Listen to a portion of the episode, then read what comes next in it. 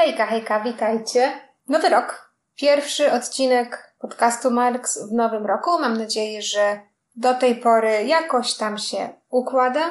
Oczywiście lepiej niż w zeszłym roku. Słuchajcie, odcinek 52. Pomyślałam sobie, że zaczniemy ten 2021 rok czymś, co lubicie, czyli cykl Prawdziwe Historie, ale tym razem z happy endem. Chociaż w sprawie, o której będę mówić, jest strasznie dużo niewiadomych, jest bardzo interesująca, ciekawa. Pierwszy raz, jak o niej usłyszałam, pomyślałam sobie, ha, to jest dosyć dziwne, co tam się wydarzyło.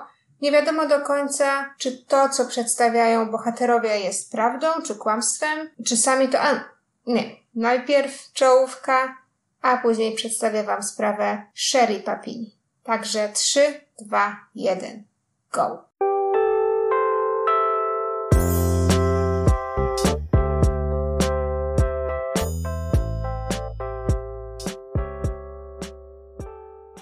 Dzisiejsza sprawa rozgrywa się w Kalifornii, w Stanach Zjednoczonych. Główną bohaterką sprawy jest Sherry Papini, która została porwana, albo wyprzedzając już fakty, powiem Wam, twierdzi, że została porwana.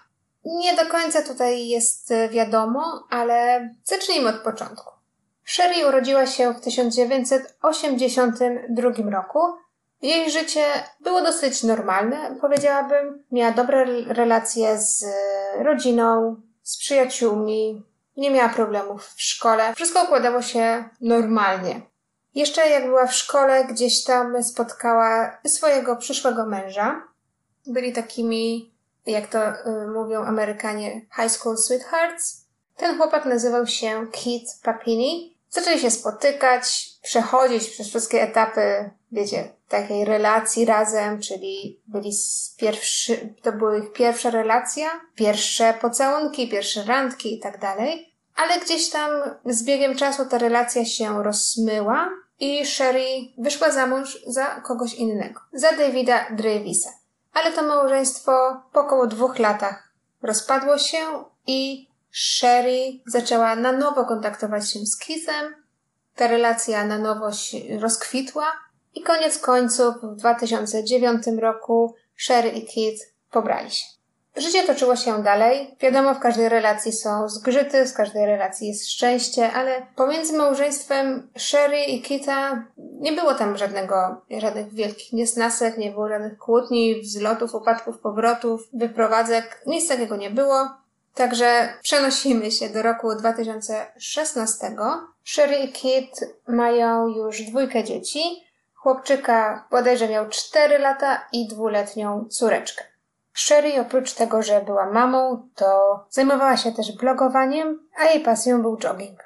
Małżeństwo mieszkało w domu, w którym Kit się wychowywał i raczej byli takimi ludźmi, którzy nie dzielili się bardzo swoją prywatnością na zewnątrz, w tym sensie, że ani Kit, ani Sherry nie postowali nie wiadomo ile zdjęć na social mediach. Byli raczej takimi ludźmi skrytymi, którzy bardzo dbali o swoją prywatność.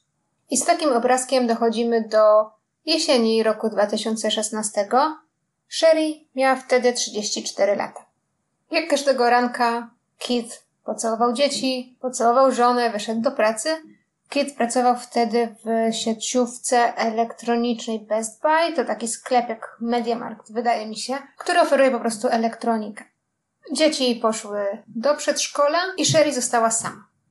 Wiadomo, pewnie zrobiła sobie jakieś tam obowiązki domowe. Tu się pokręciła, tam się pokręciła i o godzinie 11 stwierdziła, że wyjdzie sobie pobiegać. Założyła swoje ubrania do biegania, wzięła słuchawki, wzięła telefon i wyszła.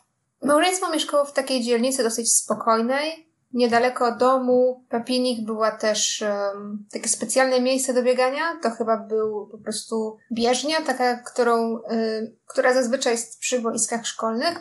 Więc y, Sherry poszła tam, to nie było nic nadzwyczajnego, bo po prostu tam biegała bardzo, bardzo często.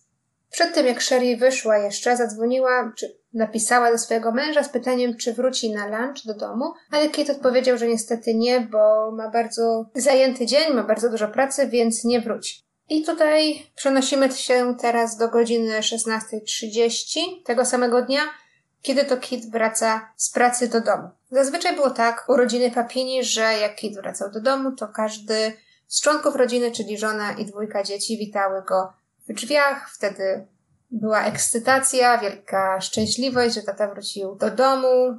Były jakieś przytulaski, jakieś całuski. No i tego właśnie oczekiwał Kit.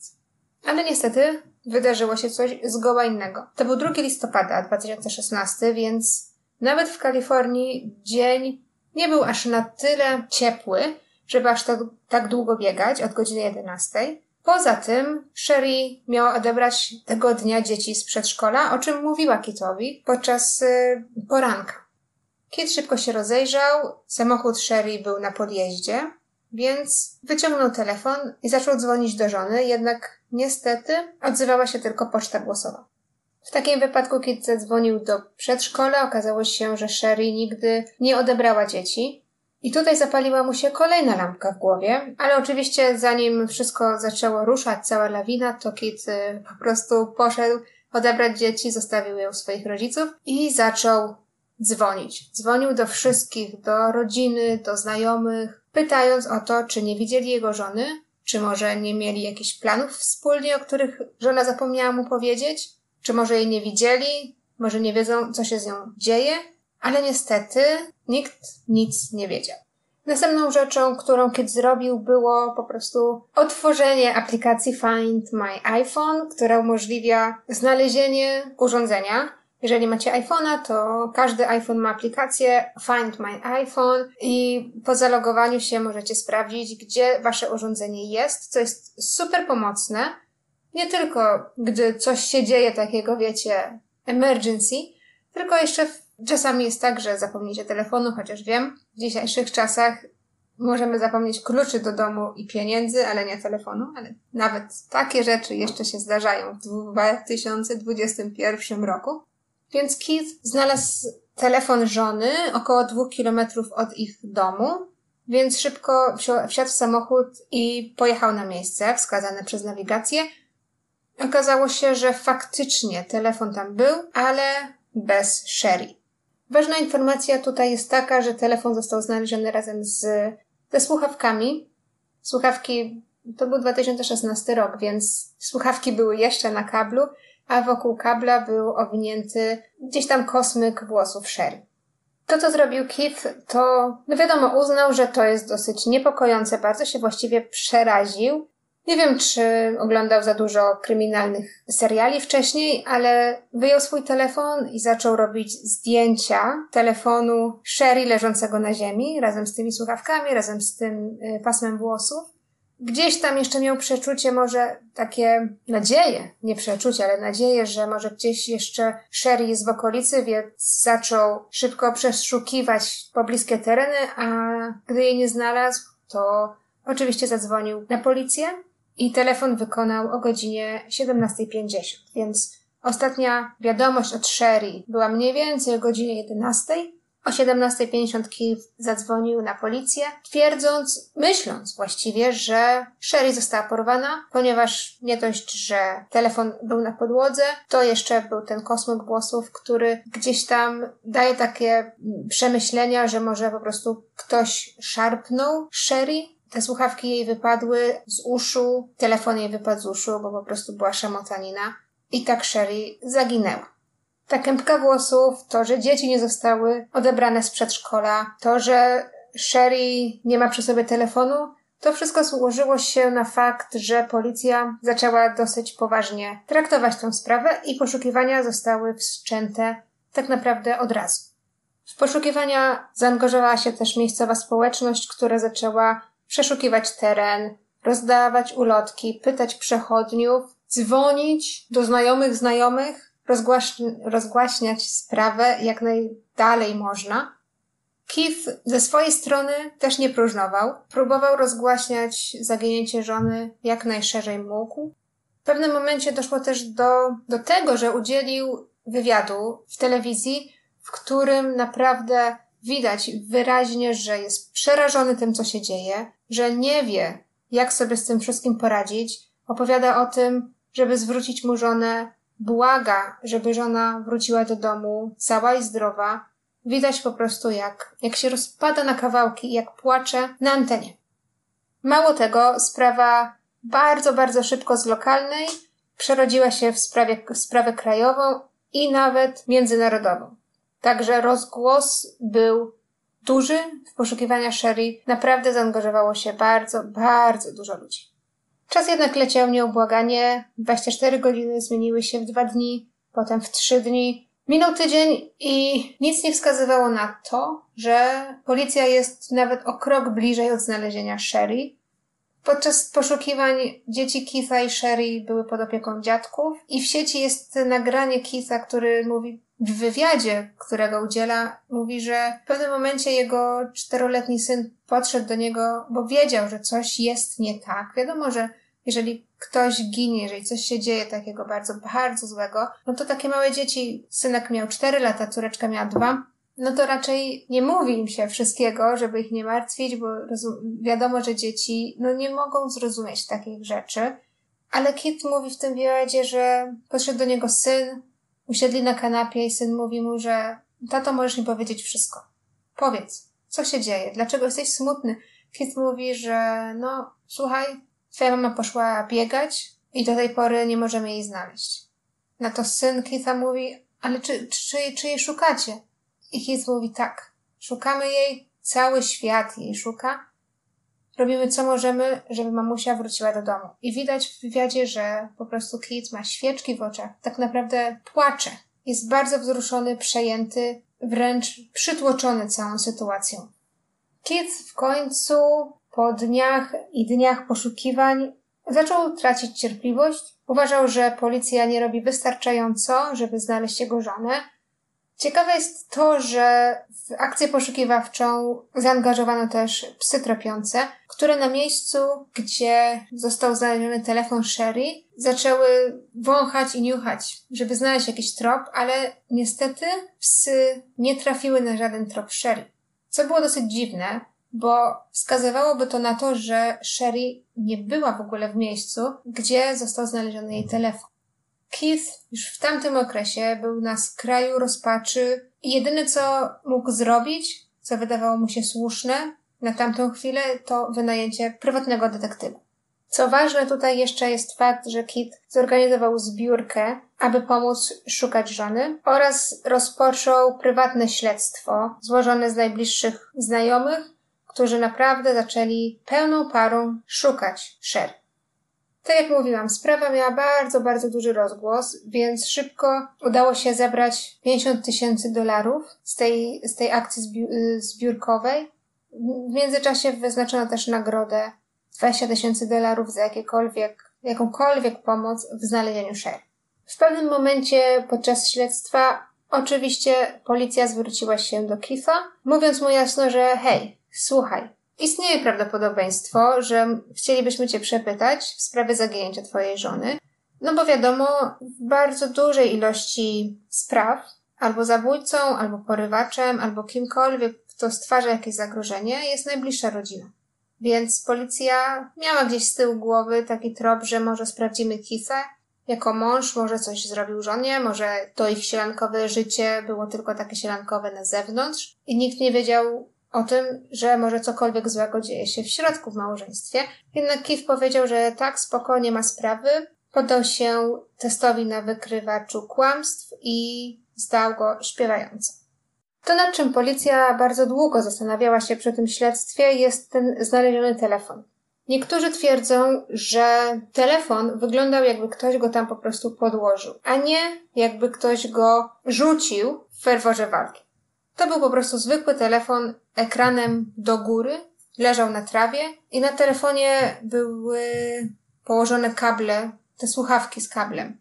I tutaj zdania są podzielone, ponieważ to wszystko oczywiście zależy od sytuacji, ale jeżeli ktoś jest w jakiejś szamotaninie, ktoś kogoś chce porwać, no to bardzo mało prawdopodobne, że telefon będzie po prostu na ziemi ekranem do góry. Oczywiście to jest 50-50, ale kable od słuchawek na pewno nie leżałyby na ekranie, a byłyby gdzieś tam rozrzucone, nie byłyby tak skłębione, tylko gdzieś tam, no spróbujcie położyć sobie telefon może nie telefon, ale słuchawki z kablem, po prostu rzucić na ziemię pewnego razu i zobaczcie, jak one na tej ziemi się ułożą. Te słuchawki przy telefonie Sherry, które znalazł Keith, one były po prostu dla niektórych położone za bardzo dokładnie, żeby było to miejsce zbrodni. Ale oczywiście od razu na te oskarżenia odpowiedziała druga strona, przyjaciele i rodzina, przede wszystkim rodzina Sherry. Oni wszyscy byli 100% wspierali Keitha, bo mówili wszyscy, że nie ma nawet najmniejszej opcji, żeby Keith zrobił, zrobił coś Sherry, bo oni się kochali. Jak mówiłam, byli tymi high school sweetheart, mieli perfekcyjną rodzinę, byli razem szczęśliwi, więc to nie był Keith, jeżeli wierzyć by rodzinie i przyjaciołom. I tutaj oczywiście na potwierdzenie tej tezy rodziny i przyjaciół jest jeszcze ten fakt, że Keith po prostu na tych wszystkich wywiadach, których udzielił mediom, był naprawdę roztrzęsiony, we łzach, w panice i naprawdę aż czuć fizyczny ból, jak się na niego patrzy i takie szczere, szczere współczucie i widać, że sytuacja, w której się znalazł, jest dla niego po prostu nie to, że niewygodna albo zła, ale wręcz przytłaczająca. I tutaj przyszedł czas na to, żeby przedstawić Wam kolejnych bohaterów tej historii. Jeden z nich to jest Cameron Gamble, który jest zawodowym negocjatorem, a drugi to jest mężczyzna, który chce pozostać anonimowy. Ten mężczyzna zobaczył w mediach jeden, jeden, jeden z wywiadów e, Keitha i tak się tym wzruszył. To, co przed chwilą Wam mówiłam, że naprawdę Keith był tak prawdziwy w tych swoich uczuciach, które przekazywał dalej przez kamerę, że ludzie naprawdę, naprawdę mu współczuli. Więc zdarzyło się tak, że zgłosił się na policję anonimowy darczyńca, który mówił, że przeznaczy nagrodę dla porywaczy, jeżeli tylko oddadzą Sherry z powrotem mężowi, oczywiście, że tak brzydko powiem, w nienaruszonym stanie. W międzyczasie Cameron, czyli ten negocjator, stał się taką twarzą sprawy w mediach, zaczął się publicznie wypowiadać, udzielać wywiadów, za co został krytykowany dosyć często, ponieważ ludzie zarzucali mu to, że nie do końca jest taki bardzo zaangażowany w tę sprawę, ale oczekuje rozgłośnienia swojego własnego nazwiska, ponieważ, tak jak mówiłam, sprawa Sherry interesowała bardzo, bardzo wiele osób.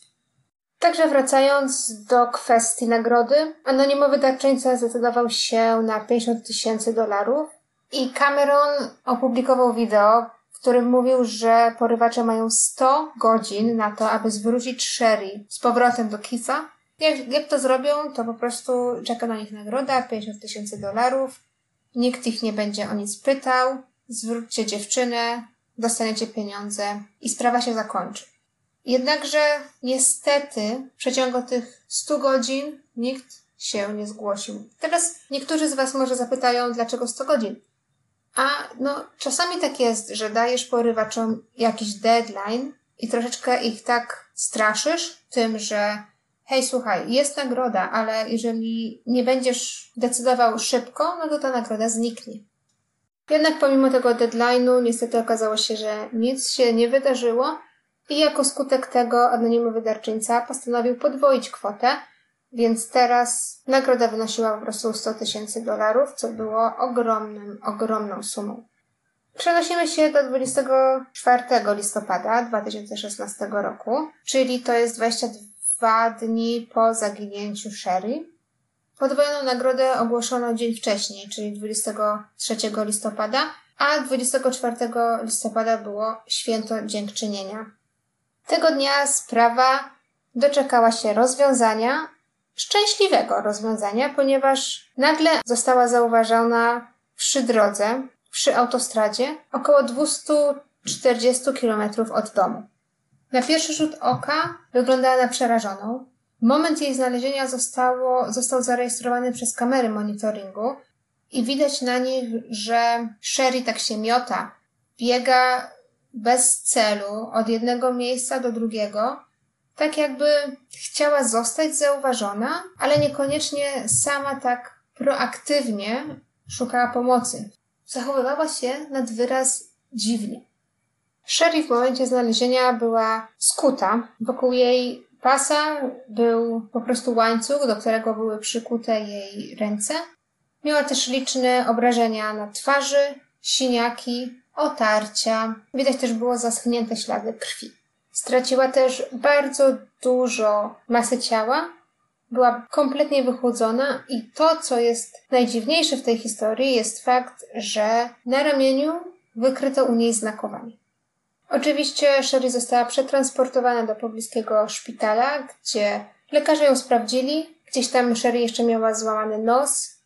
Pobrali też próbki DNA z jej ciała i okazuje się, że zostały znalezione znaki jakiejś kobiety i jakiegoś mężczyzny. Na tamtą chwilę Sherry najprawdopodobniej była w tak ciężkim szoku, że nie mogła skontaktować się z nikim, nie mówiła nic policji, nie mogła sobie przypomnieć żadnych szczegółów, kto ją porwał, gdzie była trzymana, co się jej stało, skąd te siniaki, dlaczego została skuta łańcuchem i jak w ogóle do tego wszystkiego doszło. Była po prostu w szoku. Oczywiście policja szybko zadzwoniła do Keitha, który pojawił się w szpitalu jak najszybciej mógł. Po tym wywiadzie mówił, że to jak zobaczył swoją żonę po raz pierwszy od porwania, mówi, że są tak przytłoczony emocjami, takimi krańcowymi emocjami, bo z jednej strony miłość, wzruszenie i wielkie, wielkie takie zrzucenie ogromnego ciężaru z serca, a z drugiej strony zobaczył, w jakim stanie jest i nie do końca mógł po pierwsze uwierzyć, że to jest jego żona, bo ktoś jej ściął włosy jeszcze w międzyczasie. Była pobita, posinioczona, miała złamany nos. I on po prostu ją objął, pocałował i to wzruszenie, które miał w sobie, po prostu przejęło kontrolę nad, nad wszystkim. I to, że był troszeczkę może zniesmaczony tym, co się z nią stało i prawdopodobnie zły na tych ludzi, którzy jej to zrobili, to jednak koniec końców wzruszenie i szczęście, ogromne, ogromne szczęście wygrało. Oczywiście wszyscy też zostali poinformowani o tym, że Sherry znalazła się szczęśliwie, że jest w domu, że wszystko skończyło się dobrze. Także wyobraźcie sobie też całą społeczność i całe szczęście tej społeczności, która naprawdę się zaangażowała w poszukiwania. W końcu Sherry się znalazła i oni też odetchnęli z ulgą.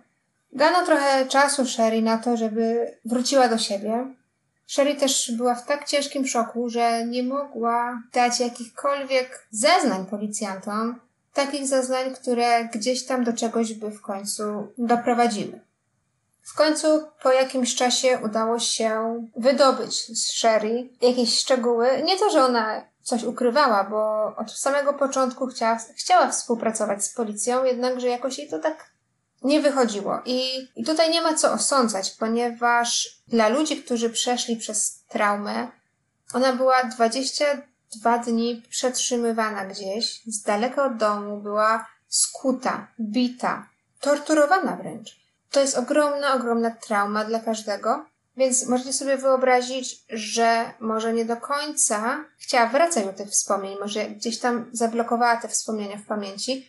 Dlatego Śledztwo mogło, można było kontynuować jakiś czas, dopiero jakiś czas po tym, jak Sherry się odnalazła. Według Sherry napastnikami były dwie latynowskie kobiety. Podała opis policjantom, jednakże ten opis był bardzo taki wręcz stereotypowy. Mówiła, że kobiety rozmawiały po hiszpańsku. Ona nie zna języka, więc nie do końca wiedziała, co się dzieje i co te kobiety planowały. Opisała kobiety jako w przedziale wiekowym. Jedna miała 20 do 30 lat, druga była troszkę starsza, powyżej 40. Jedna kobieta miała długie, czarne włosy i krzeczaste brwi. Ale tak naprawdę to tyle, co pamięta, ponieważ większość czasu kobiety miały zasłonięte twarze. Bardzo często też Sherry miała w ogóle na głowie jakąś torbę, tak żeby nie mogła widzieć, co się dzieje. Sherry nie była też w stanie sobie przypomnieć albo skojarzyć żadnego miejsca, opisu miejsca, gdzie była trzymana. Nie mogła powiedzieć, czy to była jakaś szkoła, czy piwnica, czy jakiś magazyn. Nie miała kompletnie pojęcia. I teraz tak. Z jednej strony można to wszystko wyjaśnić tą traumą, którą przeżyła. Sherry też mówiła, że strasznie bała się i tęskniła za dziećmi. Mówiła, że w chwilach, kiedy naprawdę było jej ciężko, to gdzieś tam próbowała sobie wyobrazić, że trzyma jedno ze swoich dzieci w ramionach i, i, i kołysała. Cokolwiek, co miała. Na przykład wzięła gdzieś tam jakiś kamień, czy część ubrania, jakiś materiał, szmatkę, cokolwiek w ramiona i zaczęła to kołysać. I to dawało jej poczucie komfortu i troszeczkę ją uspokajało. Więc jak słyszymy te wszystkie szczegóły, takie opisy zdecydowanie nas tak upewniają w przekonaniu, że no naprawdę to, co przeszła ta kobieta, to było traumatyczne przeżycie. Z drugiej jednak strony lekarze ją zbadali, nie tylko jej stan fizyczny, ale też psychiczny i stwierdzili, że nie ma żadnych śladów aż tak ogromnej traumy, żeby nie pamiętała aż tylu rzeczy. Lekarze mówili, że Sherry zdecydowanie zdaje sobie sprawę, gdzie jest, wie, co ją otacza, co się dzieje. I to jest troszeczkę dziwne, że albo wypiera tylko te szczegóły związane z porwaniem ze swojej pamięci, albo po prostu nie chce o nich mówić. Co na tę chwilę jest y, dosyć ważne, ponieważ tylko tak można odszukać przestępcę. To wszystko niepokoiło, niepokoiło policjantów. Szczególnie zagadkowy był motyw porwania, ponieważ Sherry Keith radzili sobie jakoś. Ona była blogerką, zajmowała się dziećmi, on pracował w sklepie elek z elektroniką. To nie było jakieś małżeństwo z milionami na koncie. Sherry była też lubiana w społeczeństwie. Wszyscy ją opisywali jako taką super mamę, która naprawdę, naprawdę poświęcała się swoim dzieciom, więc nie bardzo tutaj było żadnego punktu zaczepienia, co mogło być powodem porwania. Ostatnim pytaniem było pytanie, dlaczego wypuścili Sherry? Została porwana przez dwie kobiety, została przetrzymywana w nieznanej lokalizacji przez 21 dni. Nikt nie mógł się nawet tam zbliżyć, pomimo takich poszukiwań. Ogromna skala poszukiwań, ogromna ilość wolontariuszy, media, darczyńcy. Dlaczego te kobiety zdecydowały się wypuścić Sherry? Nie zapominajmy także o fakcie, że policja pobrała dwa rodzaje DNA z ciała i z odzieży Sherry i to nie było DNA dwóch kobiet. To było DNA kobiety i mężczyzny. Oczywiście tutaj jest spekulacja, że Sherry nie została odnaleziona w tych samych ubraniach, których zaginęła, więc być może te ubrania, które dostała później, były ubraniami jakiegoś mężczyzny albo DNA jakiegoś mężczyzny, jakkolwiek. Dostało się na te ubrania. Wykluczono możliwość taką, że to DNA jest Keitha, więc jak widzicie, bardzo dużo jest tutaj niewiadomych w tym porwaniu. Nie wiadomo za co się złapać, od czego zacząć. Wszystko jest jakby mgliste. Sherry, na pytanie, jak myślisz, dlaczego porywacze cię puścili żywą? Odpowiedziała, że nie ma pojęcia, ale w momencie, w którym ją wypuścili, w dniu, w którym ją wypuścili, usłyszała kłótnię pomiędzy oboma, obiema kobietami, a potem wystrzał z pistoletu. I potem następne, co pamięta, to to, że została zrzucona do samochodu, miała na sobie worek, na, na, na głowie miała worek, a później po prostu ktoś ją zostawił na poboczu drogi. Wszystko to bardzo, bardzo dziwne. I znowu istnieje nagranie, wywiad telewizyjny Kita, który opowiada moment, w którym Sherry wróciła do domu. I tutaj wraca znowu do swojego synka, który wcześniej pytał się go, co się dzieje. Teraz Kit mówi do niego, hej, słuchaj mały, odnaleźliśmy twoją mamę. No i oczywiście wiadomo, że jak to dziecko zaczyna szukać i jak zobaczył mamę swoją, no to się na nią rzucił. Sherry oczywiście ze łzami w oczach go obejmowała, całowała po, po twarzy, po wszystkim. E, no i ten mały mówi do niej, dlaczego mamo płaczesz?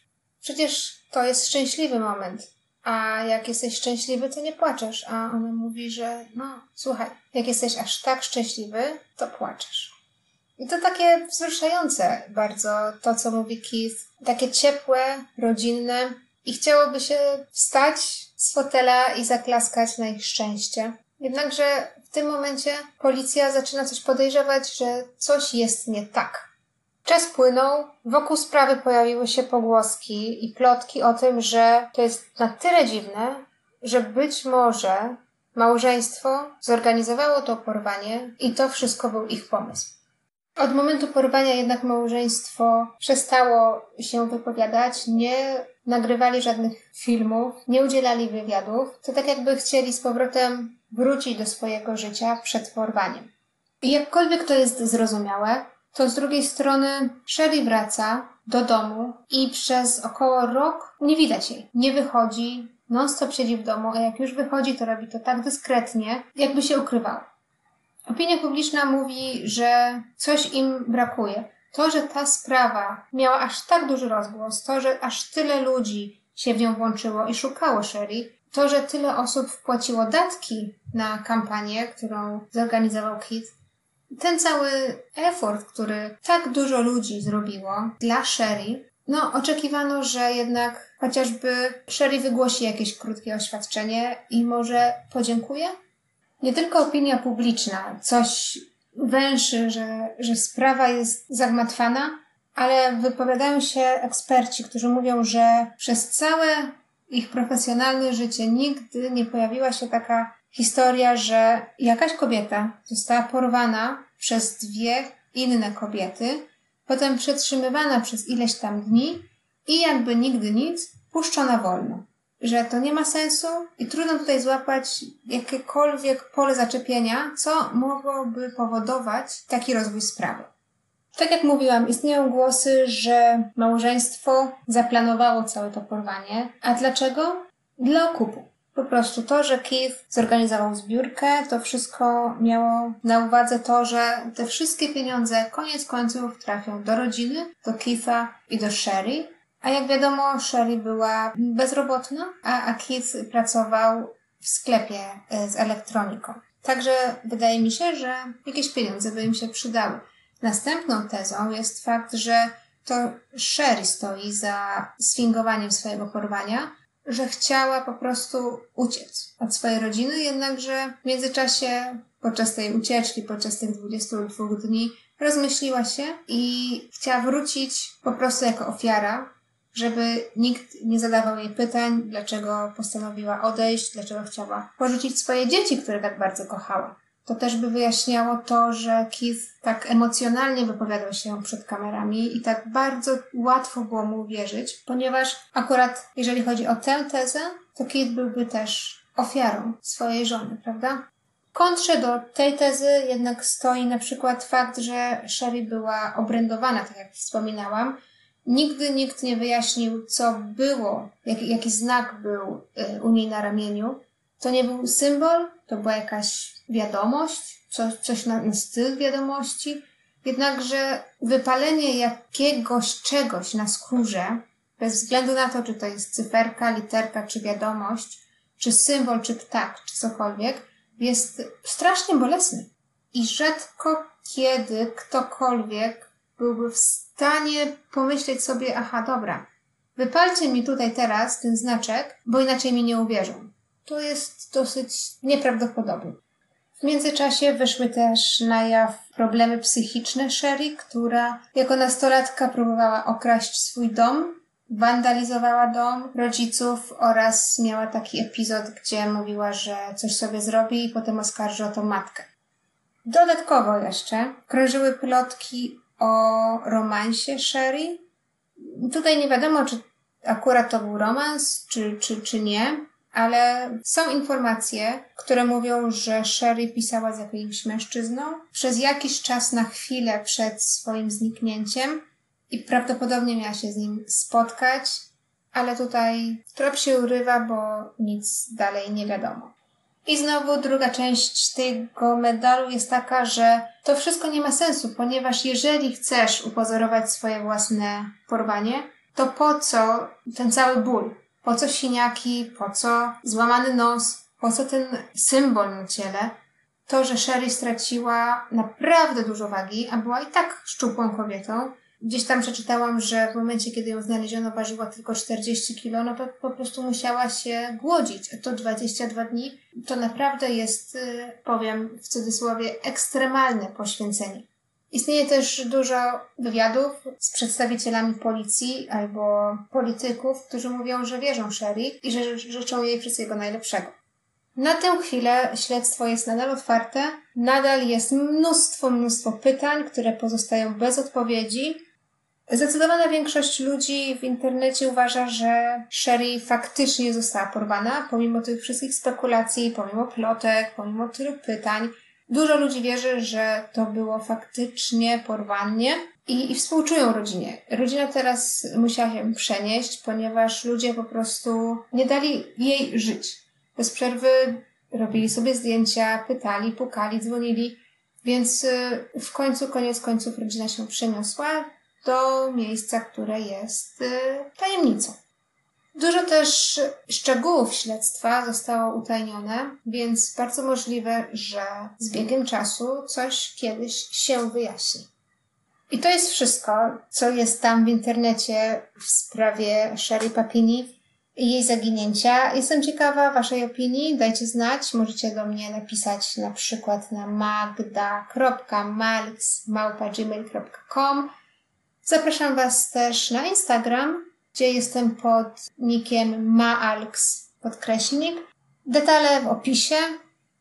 Dziękuję za wysłuchanie. Życzę Wam standardowo udanego dnia, jeżeli słuchacie odcinka rano i spokojnego wieczoru, jeżeli słuchacie go popołudniem. Do usłyszenia następnym razem. Buziaczki.